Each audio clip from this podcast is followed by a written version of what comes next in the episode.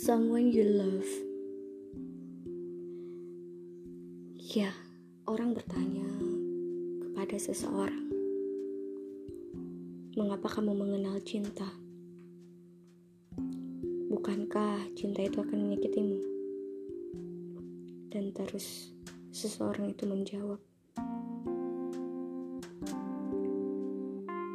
"Jika sakit, bukan cinta namanya."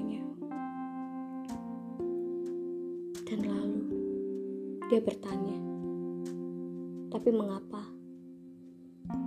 aku merasakan sakitnya cinta yang begitu dalam hingga aku trauma? Sampai saat ini aku tidak ingin membangun cinta untuk seseorang lagi." Itu salahmu. Jawab yang lainnya. Karena puncak cinta yang seutuhnya adalah mengikhlaskan orang yang kau.